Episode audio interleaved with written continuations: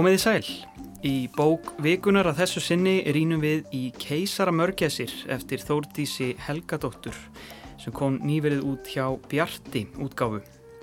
Keisara mörgæsir geymir sjálfstæðar smásögur þó finna megi þráð millir þeirra. Flestar fjallaðar um samtíman, um undarlegt hlutskipti mannsins í náttúrunni, lítillar áhrif að veru á stórri plánetu. Okkar tímar einkennast af glundróða að einhverju leiti, segir Þórdís, ofgnóttin er algjör og alþjóðavættur, gjör, tengdur, heimur, skilur engan út undan og tortímingin virðist aldrei vera langt undan. Sögurnar eru karnivalískar að mörgu leiti, segir höfundur, og að tilrunagleðin er á þeir ríkjum í sögum bókarinnar. Þær eru afar ólíkar, bæði hvað varðar lengt og efnistök, sumar flakka í tíma og aðrar milli hverstags veruleikans og furðu heima. Þar sem undarlegar verur skjót upp kollinum á borfið tröll og djöfulinn sjálfan.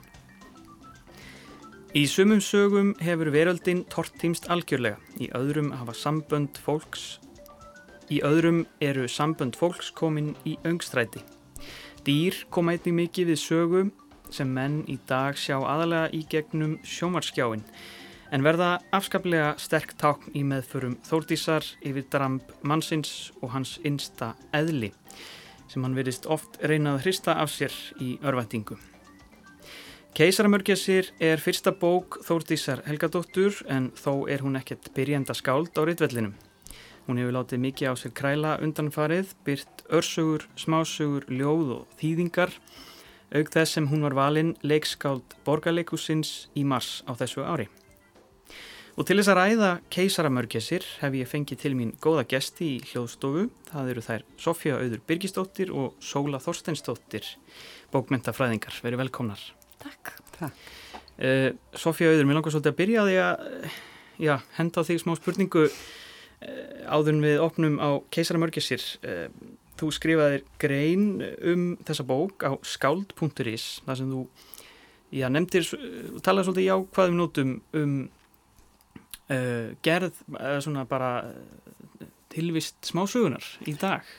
Já, ég var svona vekja aðtikli á að, að hún verist vera í sók, það er að segja smásagnaformið e, og þá alls konar smásögur, örsögur, stittur og lengri sögur og og það eru dæmum allt, allt slíkt í bók Þóldísar en það er ekki við sem að, að hérna, þeir sem yngri eru átti segja því að, að það er ekki lengra svona 30 já 30-40 ár síðan að smásögunni var bara uh, já það var hverjum döðadómur yfir smásögunni. Það var mjög erfitt að fá smásögur gefnar út af því að þær seldust ekki. Mm. og Sko skáltsaðan var bara allsráðandi. Mm. Ljóði var líka degjandi, það var alltaf verið að spá dauðaljóðsins og dauðasmásugunar og, og sko 20. öldin er náttúrulega öld skáltsögunar. Mm. Alveg eins og 19. öldin var öld ljóðsins eða þjóðkvæðana, mm. þjóðskáldana mm.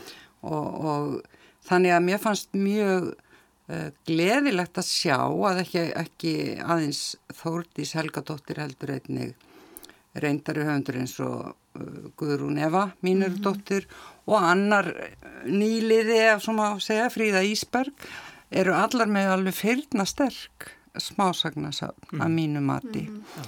og þannig að, að það var svona þetta sem var að ræða þarna í upphafi Já. greinarinnar. Þú nefnir líka eh, smásugur Söfu Jakobsdóttur og, og fleiri svona... Í... Já og ég tengdi, ég man ekki hvort ég var að tala um það þar en, en stundum hefur sagt að smásagnaformi hendi konum betur en körlum að því þær mm. séu svo busy, hafi meira að gera heima og þetta séu stutt í textar mm. en það er nú, ég trún ekki þeirri kenningu uh, og Og það voru nú ímsir eh, kalkinsrið töndar sem voru að reyna að halda smásögunni eh, lifandi eins og Rúnar Helgi Vignísson og, mm. og hérna, Ágúst Borgþór og ímsa fleiri mættinu mm. nefna.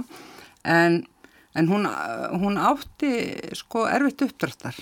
Mér finnst hún eh, vera í sók núna, mm -hmm. líkt og ljóðið. Já, þetta hljómar allt saman mjög spennandi. en þú, Sóla, er, er, er, þú, er þú mikið í því að lesa smásögur eða...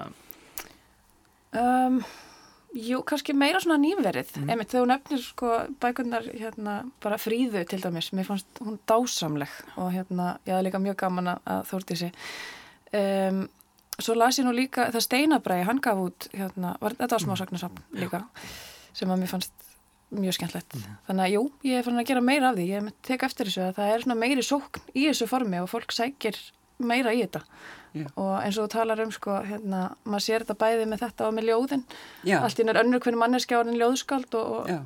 og smásagna skáld líka og örglega er einhver ástæða sko, einhver skýring á þessu er held ég reillistarnám Háskóli Íslands vegna þess að flestir uh, þessi spennandi nýju höfundar sem er að koma út, þau eru að koma þaðan mm -hmm. og hefðu kannski ekki Já, það, þar af að þau fengi þjálfun og fengi Já. að rækta Já. þessa hæfileika sína og, og láta þessa sköpuna þrá uh, njóta sín og, og þannig að mér finnst við alveg geta tengt þarna milli. Algjörlega. Er ekki að mitt Þordi sér þaðan? Hún er kláraðar í listan. En þó svo við séum jákvæð. Núna þá verða umræðunar eflust að einhver liti já, smá dökkar hérna eftir. En hefur ekki bara vind okkur í að ræða keisarmörgisir og kannski heyra smá brot úr einni sögunni. Mm. það er sagan Leg og Þórtís les sjálf. Leg. Eli kom að konunni sinni að sleikja kjúkling með besta vini sínum Alice hafi sagt honum að hún ætlaði rektina eftir vinnu en svo hjólaðan fram hjá húsinans óttars og sá að bílinn þeirra stóð fyrir utan. Eli barði að dyrum, tók í húnin, komst að því að það var ólæst og gekk inn. Í eldúsinu blasti þetta við. Óttar og Alice stóðu sitt hverju megin við eldúsegjuna með granitborðplutunni. Á stóru fati á millið þeirra voru tveir snirtilega niðurskortnir kjúklingar, bringur, vangir, lundir, leggir. Alice sjálf var líkt á í miðjum fuggladansi. Hún helt kámi um höndunum langt út frá líkamannu með olbu að beigða og fingurna út glenda. Augun voru lokuð en munnurinn opinn, græðgislegur. Hún hallaði sér fram tegði út úr sér langa tunguna og vafðinni eins og beikonsneið utanum kjúklingalæri sem óttar hjælt á lofti. Allt þetta hefði Eli mögulega, mögulega geta látið liggja á milli hluta ef ekki hefði verið fyrir eitt lítið atriði sem fór afdráttarlust yfir strikið. En það var svo staðreind að kjúklingurinn var rár. Loks tókuðu eftir honum. Það var eins og einhver hefði held yfir þau fullri fötu af ísköldu vatni. Þau umbreytust á einu augnabliki. Vöðvarnir spentust upp, sjáöldrin gal opniðust og Eli gætt næstum því séð gæsahúðina spretta fram. Þetta var það versta. Verra en að kjúklingurinn skildi vera hrár. Viðbröð Alísar særðu Eli djúft. Hún hafði alltaf sagt að henni finnist hún hvergi í heiminum örugari en í fanginu á honum. Núna framkallaði nærvera Elís flóta viðbrað hjá henni. Hann náði genið sinni að kalla orðið sveik fram í hugan. Hann var of dolfallin að fylgjast með rafmagninu skrýða undir húðin á sér fram eftir útlimunum út í fingur og tær. Eitthvað þrengdi sífælt meira að höfukúpun á honum innanfrá eins og hún verið að fyllast af poppi. Hann hefði aldrei áður upplifað sársöka einmitt svona. Alice þurkaði sér um hendurnar. Við erum aðeins að undirbúa, sagði hún. Þau horfðu bæði á bakið á óttari sem hafi snöglega snúið sér að eldusvaskinum og skrúa frá vatninu. Nokkrar kvítar og brúnar fjadrir lágu klestar í sápuvasspollum við hliðin á vaskinum. Eli leit á Alís yfir eiguna, síðan niður á fatið mitt á millið þeirra þar sem kjúklingabitarnir lágu í grunnum potli af blóðvögva. Þeir voru litin eins og andlitið á Eli þegar hann kom í mark í marathóni. Glansandi hlaupkjönd áferðin eftir matareiturinn. Hvað er eiginlega að? sagði Eli. Alís tók nokkur skref í áttina til hans. Hann hörfaði. Hún var klætt í ermalausan bleikan ból yfir íþrótt á topp og stælt auksl niklaðist fallega þegar hún lifti handlegnum í áttina til hans. Hugmyndavinna, sagði hún. Þú veist, við erum að gera tilraunir. Hann starði á Alice á þess að segja nei. Þórtís Helgadóttir las þarna brót úr sögunni leg úr bóksinni Keisara Mörgessir.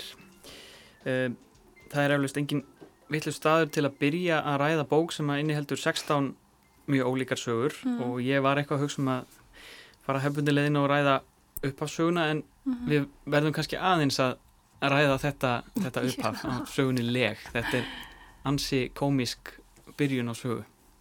Já, þetta er, þetta er hérna, þetta er alveg fyrna sterk saga mm -hmm.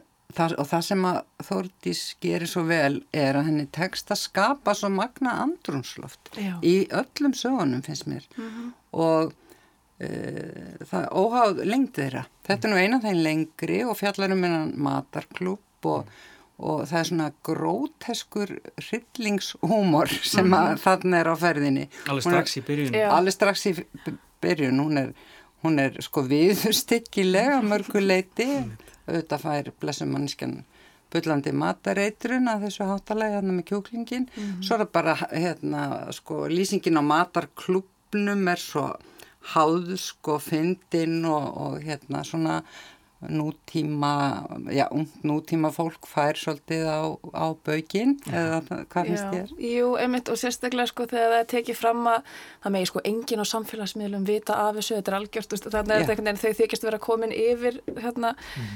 samfélagsmiðlana en ég hef líka svolítið gaman af hérna lýsingunum á bara samböndum í þessari bók, bæði bara sambandinu á milli sko Eli og, og Alísar og þeirra og hérna Óttars, besta vinnarins mm. en hérna, meðan þetta líka bara já, ég mitt svo áhugavert að sjá sko sambandið millir þeirra, Elisar og, og Al, sem var Ali eða Ali? Al, já.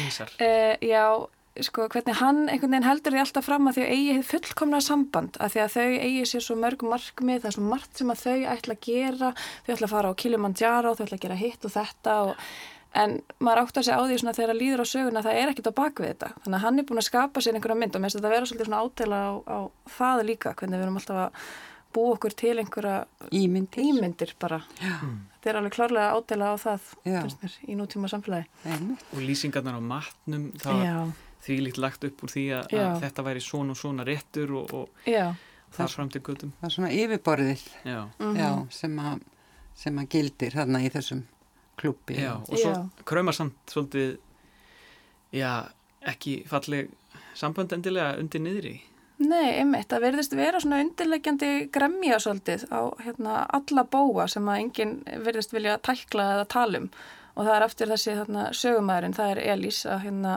að hann er bæði búið að frústrirraður út í hann óttarvinsinn og, hérna, og það ásýr hendar aðra baksögu sem við kannski förum ekki meira út í en, en, en Já, það, það vill enginn tækla alvöru málinn eins og maður sér líka bara í lok sögunar kannski. Mm. Sem að við, já. við upplýsum ekki um. Nei, nei. Varist spillið henni. Já, já. Um, en, en það eru, svo við kannski, við verðum svolítið að vaða úr einu í annað, uh, úr einni sögu í aðra. Um, ef við ræðum aðeins upphafssöguna, það, það sem að kannski svona, það er slegin ákveðin tón fyrir mm -hmm. þessar þessar sögur mm -hmm. af því að þar er algjör samsláttur og milli veruleika og, og, og fyrðana það sem, að, það sem hún vinnur með þjóðsagna heiminn og, og þar er tröll mm -hmm. uh, kemur mikið í sögu, það sem er kallað á myndýra eði tröll, eh, hérna, til að losa sig við tröllið. Um, hvernig fannst ykkur þessi byrjun, þessi, þessi þetta uppá sögunni kom ykkur í í hvað stællingar þetta er hún ykkur? Þegar ég hef búin að lesa alla bókina þá var ég hissa á þessu vali að byrja á þessari sögu að því mér finnst hún eiginlega síst ah. en, en það hefur líka kannski eitthvað með kynnslóða mun að mm. gera uh, að því ég veit að, að uh, margt ungt fólk, uh, ungir höfundar er að vinna með þjóðsagnæfni eins og mm -hmm. þarna er gert og, og en hún er frekar svona stutt og endaslepp þessi saga finnst mér svona eða margar aðra stittri reyndar en, mm. en svona uh, já, ég veist ekki alveg hvað á mig stóð veðrið í, í fyrstu sögunni Já, já. ég reyndar, já ég, ég hafði alveg gaman að henni sko og ég geta alveg svona fyrir mína part að hún sló alveg svolítið tónin einmitt eins og segir að það er einhver mörk mörkin eru svo óljós millir sko mm. raunveruleika og hérna, þjóðsagna minnisins þarna þó svo að hún blandist út í bara meiri fyrður uh, í öðrum sögum sko mm. En jú, ég hefði gaman að henni og hún var kannski líka smá svona um uh, afstöðu mannsins bara til dýra sem að þau flokka sem meindýr að það er hérna, tröll sem að við kannski eigum ekki einhverja eina skilgrinningu á en, mm -hmm. en, mhm. en þarna er einhvers konar holdgerfing tröllsins og, og það þarf bara að losa sig við það það er, það er kannski eitthvað sem að gengur í gegnum sögurnar, þessi dýr eh, öll, öll dýrin og, og hvernig við komum fram við náttúru og, og dýrin Algjörlega. Mér finnst að hún er alveg eh, með já, svona uh, sko nú vil ég eiginlega valla kalla hana hérna uh, náttúru vendar sinna því það er nú farið með hafskum orðum um það í einni sögunni. En, en, en sko þær sögur sem ég finnst einna sterkastar það eru þessar sögur sem að mætti sko ég vil lýsa sem uh, framtíðarsögum mm. það er að segja uh, það eru þarna nokkra sögur sem gerast eftir uh, í raun og eru að, að heimurinn er, mm. hefur farist og um, það finnst mér alveg gríðarlega magnaðar sögur hjá henni eina af þeim er Bessadýrin Já. sem er mjög stutt óhuguleg en, en mögnu saga og líka skemmtilega hún er svona í nokkrum hlutum og, og það verist að vanta inn í brot sem að minni mann á mhm. sko hand, gömul handri, það já. er eitthvað tínt sko mm. og, og já það sem sagt verist heim, allir verið að hafa farist nema bessadýri sem að lifa alltaf að því þau þurfa ekki neitt mm. og, og fleiri fleiri svona sögur en ef, ef ég má lesa eina tilvitnun þá veist mér mm. þetta svo, mm. svo góð ég er náttúru vinnur Ég aðhyllist lögmál náttúrunar. Ekki náttúru vendar sinni, alls ekki skrifa það. Mannkinni hefur sjálfnar verið heimskara en daginn sem það byrjaði að tala um að náttúran þýrst á venda halda. Vernd okkar, vend fyrir okkur. Valdagröðustu despotar sögunar gátt ekki skrúa hrókan upp í svoleiðis hæðir. Og þá, sko, það sem hún er, eiginlega hún er að snúa þarna upp á... Uh, uh, sko við maðurinn erum bara eitt af meindýrum jarðarinnar sem að jörðin er búin að losa sig við þarna mm. í, í sögunni og enda, enda þarf að rýma svolítið til hérna segir hann líka í, í sögunni En mér finnst það einmitt bara svo að ég hérna takk upp þráðin með, með bessadýrin sko, mér fannst svo saga dásamleg bara Já. að því hún nær svo vel utanum bara svolítið þetta viðþorf mannsins til lofslagsvandans í dag og umhverfisvandans í dag, þú veist, við erum að horfa fram á, það voru frettir núna í vikunni um hérna að við séum að sjá fram á bara vist kervis hrun, eða þú veist, það er mm. bara það all... Miljón tegundir bæði í plantna og dýra Já, í útrýmingar Já, bara alltaf hrinja og það er svo dásanlega lýsing sko í sögunni sem ég finnst, við getum, þetta, bara, þetta er það sem er að gerast í dag, eitthvað en um, sko nú er ég ekki með textan fyrir fram að mig, mm. en það er þetta að hérna já við vissum af þessu en við bara einhvern veginn gátum ekki gert neitt og vorum alltaf að býða eftir einhverju annar myndi gera eitthvað en æsum var það bara þú seint og við heldum áfram að pyrra okkur á stjórnmálamönnum og æðust þetta Já, já, já, uh, einmitt. og mér finnst þú ná svolítið vel utanum bara svolítið þessa fyrringu okkar uh, í tengslum við umhverjusmólin Og það eru þarna nokkra dýrategundir sem eru útdauðar uh -huh. í mhm. sögunum hennar. Nákvalurinn, keisaramörgæsirnar sem að titillin vísar til. -huh og, og já, þannig að já, það er kannski ekki síst þetta sem að mér fannst um, um, svo heillandi við þessa bók sko. Mm -hmm. þetta er svona mjög þetta er einhvers konar umsnúningur og, og öðrun um leið sko. mm. og, og ég gerist nú svo stóra orða að tala um í mínu rít og með að að mér, mér finnst verða eitthvað svona ákveð þroskastökk í, í sagnagerð, e, íslenskri sagnagerð í mm. þessari bók mm. þá er ég ekki síst að tala um þetta þessar, þessi umsnúningur, þessi ögrun þessi hvernig hún blandar saman sko e, hérna e, það er hægt að tala um vísindaskaldskap, framtíðaskaldskap, um, þjóðsugur, ævintýri og, og raunveruleikin er alltaf e, svolítið skrítinn sko, það er alltaf einhver hliðar raunveruleiki. og, og sko þetta sama gerðist þegar Svafa Jakobsdóttir skrifaði sína förðusögur mm um, að þá svona, það var einhvern veginn engin leið tilbaka sko, mm. það var komið eitthvað, eitthvað nýtt fram og mér fannst eitthvað, ég merka eitthvað svipað hjá Þúrdísi og mér finnst það staðfestast að því að, að margar af mínum minni kynnslóð, margi lesendur af minni kynnslóð eiga bátt með að lesa þetta. Og jáfnvel geta það ekki, hætta við. Mm -hmm. og það nákvæmlega gerist með svöfu sko. Amma mín var mikil bókmynda kona en þegar komaði að tala um svöfu þá þá var hún alveg lens. já, þá var lokað En sagan sko, hún eins og við erum búin að við heyrum, hún flakkar svolítið mm -hmm.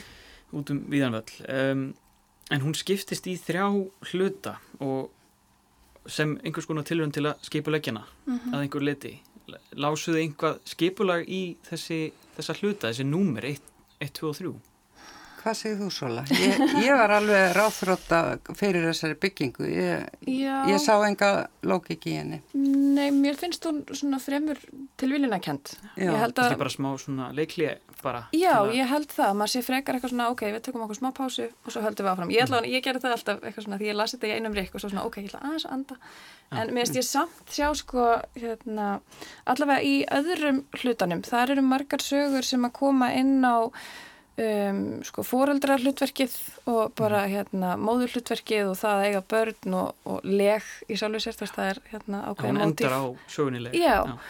Um, þannig að það er kannski eitthvað svona hægt að tala um ákveðið þema en annars finnst mér þetta einmitt bara svo. Móður hlutverkið fyrirgeðu er, er nú aðalega kannski er sterkast í fyrsta hluta í sögunu út á milli rimla. Já, hún er í fyrsta hluta, herðu ég ákveðið fannst þess að hún var en, já, og það er dásamlega saga. Það er dásamlega saga sem fyrir til Amsterdam já, já. en ekki en hún raðar sko ekki upp uh, uh, thematist finnst mér og alls ekki hérna formlega sko það Nei. eru, hún blanda saman laungusögum og stuttum uh -huh. og mhm. brotakendum og, og framtíðasögum og nútíðasögum -huh. Mhm. þannig að við þurfum eiginlega að fá Þórtísi til að útskýra hvort að Ég held ég sé mitt með brot þar sem að hún talar litið um þetta Já Ertu meðvitað að svona kannski leika þér með tilfinningar lesenda og fara á milli fara á milli þessara heima þessa, þessa svona heims sem að já, er ekki til og, og svo þessar rosa raunsæðis þessa eh, kannski myrka veruleika bara bæði manna og dýra og, og jarðar. Uh, Já, algjörlega. En ég kannski ekki endilega hugsa um að stuða lesandan eða einhvern veginn að, hérna, að ruggla í lesandanum. Þetta er kannski meira bara bara eins og kemur einhvern veginn um, Þetta er bara, svona er heimurinn. Svona er heim, svona er, svona lítur svona er, svona er umhors innan í hausnum á mér einhvern veginn. Um, og ég held að ég við um, um fleiri. Í svona absúrt heimi. Já, já, því að, því að einmitt, mér finnst bara lífið okkar bara í dag vera svo absúrt hverjum degi og fréttinnar og bara aðstæðunar sem að lendir í einhvern veginn. Um, Já, daglega. Þannig að mér finnst, mér finnst ég er oft bara einhvern veginn að tjá þessa, þá tilfinningu einhvern veginn að skringileika allan. Það, það endar, endar svona. Absúrt heimur. Mm. Þetta er kannski, já, þessar, þessar sögur í keisarmörgi sem endur spekla kannski þetta, þetta ástand. Að það er, það er svo margt um að vera mm -hmm. og fréttinnar eru af svo mörgu neikvæði og svo á svo mörgum veginn, frá svo mörgum hliðum. Þetta er kannski bara ágætis endurspeglun á, á, á samtímanum. Jú, ég held það og einmitt líka eins og þú talaður um þessar framtíðar hérna, sögur sem hún er með, einmitt það eru bessadýren og, og það er vesen og, og jú, keisara mörgjasir sem að koma allar inn á einhvern svona Já, þú talar um framtíðasögur, mér finnst þetta líka að vera bara dystopýr í raun og veru. Já, já, um, og líka þetta þetta er ekki svo fjarrri okkur í raun og veru þegar hún talar um veist, einhvern veginn að mannkynni sé eitt eftir eða, eða við séum bara tórtíma jörðinni, við erum, veginn, við erum að lesa fréttir af nákvæmlega þessum raunveruleika Já. og það stóð mér alveg svolítið nærri þegar ég var að lesa þetta, mér fannst þetta ekki svo fjarrri manni mm. sem er svolítið óþægilegt sko. Já, einmitt, einmitt. Handan við hotnið eitthvað neginn tilfinning. Já, já, já. En þá kannski eh, fristand að spyrja út í sko almennt um hvernig bók, bókmentir munu þá tækla eh, þennan veruleika þegar að uh mhm. -huh. dystopían eða e, einhverjir hlutar hennar eru bara búin að rætast og, uh -huh. og við mhm. þurfum einhvern veginn að skrifa inn í þennan heim. Það verður kannski einhver önnur frásögn. Er þetta vísir að einhverjum Já, það gæti verið. Mm. Það, það er náttúrulega ekki hægt að svara þessu. Nei, en, en það er mjög spennandi, sko, mm. og, og hvort að það er, við getum svo sem nefnt, ég meina höfundi svo Steina Braga, mm -hmm. hann hefur líka verið svolítið á þessum, þessum slóðum og, og ég get alveg trúa að þetta færi að við sjá meira að, að svona sögum. -hmm. En, uh, sko, mér langar líka til þess að nefna með þessa sögurinn að þórtísar að að hérna e, þær eru mjög heimsbyggilegar líka sko. mm -hmm. e, það má ekki miskilja að það sé allt einhver förður og fantasíur og þær, eru, mm. þær tengja mjög e, við sko, heimsbyggilega þanga en það er hún heimsbyggi mentuð komst ég af og, og ég var ekki, ekki hiss á því mm -hmm.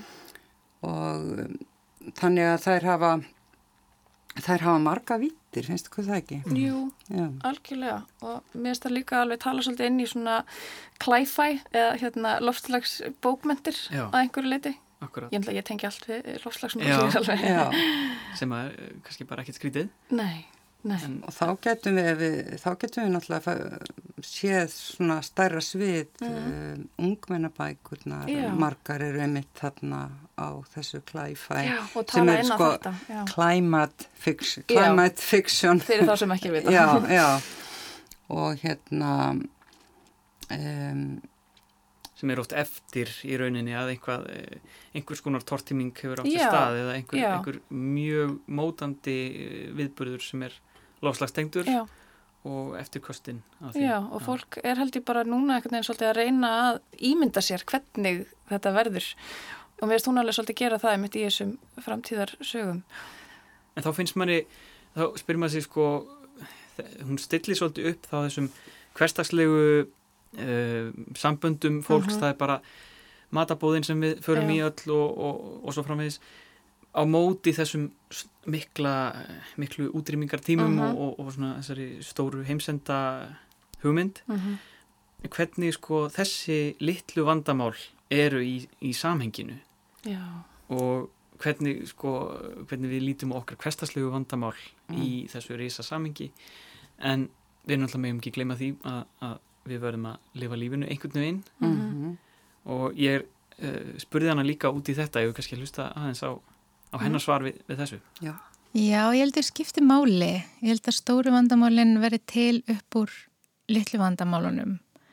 Þú veist, hérna neistlu, neistluhyggjan og, og þetta, þetta sprettur allt bara út frá því að við erum hérna sálfræðilega tóm eða svöng eða, eða hérna byggluð og, og traumatiseruð og brotinn og, og hérna það þarf oft lítið til einhvern veginn, það er svo, þetta er svo vikvæmt, bara samskipti samskipti fólks og um, já, börn það er börn í nokkrum sögum um, og það já, það er, það er eitthvað svo vikvæmt að, að vera, því nú er ég sjálfa alveg töli til börn og, það er svona einhvern veginn vandaverk og maður er alltaf að hugsa einhvern veginn að reyna að búa til heilbreðar manneskjur og hvernig, hvernig það getur einhvern veginn farið út á spórinu á svo ótal marga vegu. Um, já, þannig nei, ég held að litli hlutirnir litli hlutirnir skiptir máli og einhvern veginn, það gefur mér svo miklu vonstundum þegar að kannski lofslagsmálin eru annars vegar og eru svona ofsla yfirþyrmandi og, og, og hérna og heimspolítikin er bara einhvern veginn bílu og rugglu og bara út og söður og, og hérna, maður verður svo vonlaus stundum að að hérna, það sé hægt að búa til eitthvað svona lausnir á stórum skala. En þá einhvern veginn er bara, þú veist, hérna unga fólki alltaf opna sig um, um hérna kvíða og áföll og, og svona það er eins og að sé bara geðheilbreyði geðheilbreyðis vakning eitthvað neginn og vakning í, í því bara hvernig við lifum á eitthvað neginn hérna ábyrgari skynnsamleira hátt. Þannig að það gefur mér óslulega mikla, mikla von að getum svona já, bara svona allir tekið til sínum gardi og, og hérna áorka svona stórum löstum þannig. Þannig að tala þú út í þessum að stóru vandamálinn, nattrænu vandamálinn séu að yngur leiti afur þessara litlu hluta sem við gerum öll og, og hvernig við hugsum og, og lifum lífinu mm. og við kannski meðum ekki gleyma þeim að það sé ykkur von í því að, að sjá ykkur á framtíði því að, að reyna að uh, vera sem best manneskja og, mm. og mhm. allt þetta. Þetta er kannski hljómar klísukent en, en þetta er kannski eina svona alvöru vonin sem við höfum í þessum heimi, eða hvað? Stór spurning. Jú, eða samt, en einmitt þetta sem hún segir sko með ungu kynsluðuna líka, að hérna maður horfir svolítið á þau og, og fær smá von, að hún, hún nefnir loftslags, hérna, eða bara loft, já. Loftslags. Það er líka smá trist að að horfa upp á það að börnin þurfa að eida tíma í Já. að mótmæla. Já, skrópa í skóla til þess að mótmæla því að við gerum það ekki Já. og hérna, jú það er alveg absúrt í raun og mm. veru en við erum kannski bara komin á þann stað að, að þú veist, ég held að sé líka bara því þau eru að horfa fram á að við erum að þurka þeirra framtíð út af kortinu og þau eru bara, herðu, fyrir, er það að grínast og við erum bara, nei, nei, elska hann, þetta er allt í lagi en já, maður verður eiginlega bara að vona með þórtísi að hérna að eitthvað gerist. Það er kannski einsaga sem ég held að kannski sé uppáhaldsaga mín mm. í bókinni, það, hún heiti Bilgja Já. Mhm. og að því hún nefndi að það verður nokkur sögur um, um börn. Mm -hmm. Þarna er lítil stúlka að, að reyna að púsla saman heiminum og, mm. og frásagnar sjónarhóttni er frá hennar það er hennar sjónarhótt það er svona mm -hmm. næft og barslegt en, en alveg stórkostlegt já til að byrja með sko já. og hún er svona átt að segja á táknunum og, og púsla heiminu saman og, og smá saman sko eh, skinjar hún meira og meira og, og kannski er niðurstaðan þetta er ofur gáðað barn sko en, en þetta er kannski bara frábær tákmynd eh, fyrir bókina sjálfa sko sem að mm -hmm er svona í litlum og stórum púslum og, og eh, við þurfum einhvern veginn að ráði í þessi tákn og mm -hmm. já ég veit ekki hvort ég er að áttúlka en, en, en um, um, það sem þið voru að tala um jú um, fyrringin sem hún lýsir í sögum eins og leg mm -hmm. er jú uh, ein af orsökum fyrir uh, hvernig Eh, ástandið er, ástandið er þannig að, að, að hérna, uh, það er hérna, mikil ádel á kapitalíska ne neyslu þótt að sé aldrei sett, uh, sagt berum orðum. Mm. Já og, og þó, hún kemur, kallar hérna hvað Djöfullin er, er fórstjóri HM Jú, jú, jú, jú, jú, reyndar. En kannski notar ekki orði kapitalismi mm. en, en hérna vonandi bara geta, getur unga fólki líka sko átt að segja á hverju þau þurfa að fórna sko. Já, ég held að þau séu tilbúin. Já, það væri frábært. Já, ég, ég held, ég vil vona það, ég vil meina það, Já. að það þurfi bara að taka þessi skref. Það Já. muni unga kynsluðin alveg, alveg að gera þetta sko. Já. Þú talar um að bylgja nýti svona svolítið saman hugmyndirnar. Já. Mm. Um, en það er oft hann með smásagnarsöfn eða smásögur að, að teitilbókarinnar og teitilsagan sé mm -hmm. einhvern veginn svona svolítið full trúi bókarinnar í held mm -hmm. er, er Bilgja betur til þess fallin en, en Keisarmörgisir, því það er einn saga þarna sem heitir Keisarmörgisir Já, það er eina af þessum uh, dystopísku mm -hmm. framtíðarsögum og, og Keisarmörgisir eru útdauðar í þeirri sögum, Já, ekki satt? og, en ég sé kannski ekki alveg að að sá teitill nái yfir alla uh, alla, alla bókina efna form, já, Bilge gerir það kannski betur í mínum huga. Já, já ég er að einhverju leiti er alveg uh, sammálað því en reyndar, jújú, keisaramörkis er eins og einhverjar aðra sögur hann er svona talar inn á þetta sko aftur þetta vist kerfis hrun Mhm. um, þannig að einhverju leiti máli tala um það sem svona já, það hefði kannski mátt vera yfirtitill yfir hérna, einum hluta ef þetta hefði einhvern veginn verið svona hólfa niður en Já. við náttúrulega erum að horfa á aðeins svona sundraðara safn Já. kannski. En kannski er þetta bara hluti af absúrdisma Já. Já, líka dular fulla verur keisarmörgisir. já, En ef við ræðum þær bara örlítið, það er náttúrulega, þær eru svona eitt af þessum svona líkil táknum í lofslagsumræðinni eins og Mhm. íspyrnir og, og fleiri dýr við einhvern veginn gefum þeim rödd þess Já. sem er varnarlaus og, og hérna og gæti tortímst en, en er eitthvað svona í þessu dýri sem að eh, svona sam, eða svona er kannski tákmynd fyrir eh, lífið á jörninni eða svona Já, þetta er náttúrulega eitt þraut segjasta dýr sem að, til er, svona kannski fyrir utan bessa dýr. Já. já, sem eru til í alvörinni Já, já, já, já, sem er til. og, og hérna uh, hún vísar hérna til heimildamyndar um, já, keisaramörgesi sem margir hafa séð og heillast af. Mhm. Mm, Morgan Freeman er dáinn í, í þessari já, já, sem er þulur í myndinni eða ekki, Já, sem já. að vísaði til. Og, og hérna þannig að það má kannski eitthvað sjá á því. Það er líka e, það er mikið samheldni þarna parsins og mikil það vendar ungan mjög vel og þannig að kannski hérna er, er það eitthvað í því sko þessi Svo standa allar í hnapp. Standa allar í Já. Að napp og veita hver annar í hlýju og þannig að við getum alveg, já, lesið kannski eitthvað svona inn í, mm. inn í þetta. Við þurfum kannski að fara að svona taka keisaramörgja sér okkur til til fyrirmyndar. Já, jú, mér finnst það bara mjög falleg lýsing. Ég Já. bara tek undir þetta, mér finnst það já.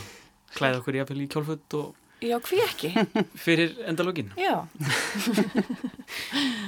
Kannski hafa þetta bara að loka orðin að, að við eigum að taka okkur keisaramörgesi til fyrirmyndar. Og kannski Þarna- eitthvað af þeirri von sem að Þórdís lýsir þarna í, í viðtalinu. í viðtali. Jú, Já, reyna að halda einhverju bjart síni aðna það er ekki annað hægt. Fara vongóð inn í, inn í framtíðina. Inn í Já. endalókin Já.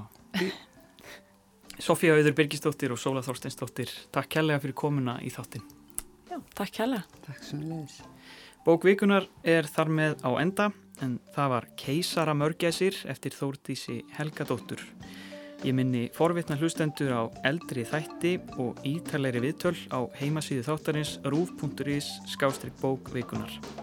Takk fyrir að hlusta og verðið sæl.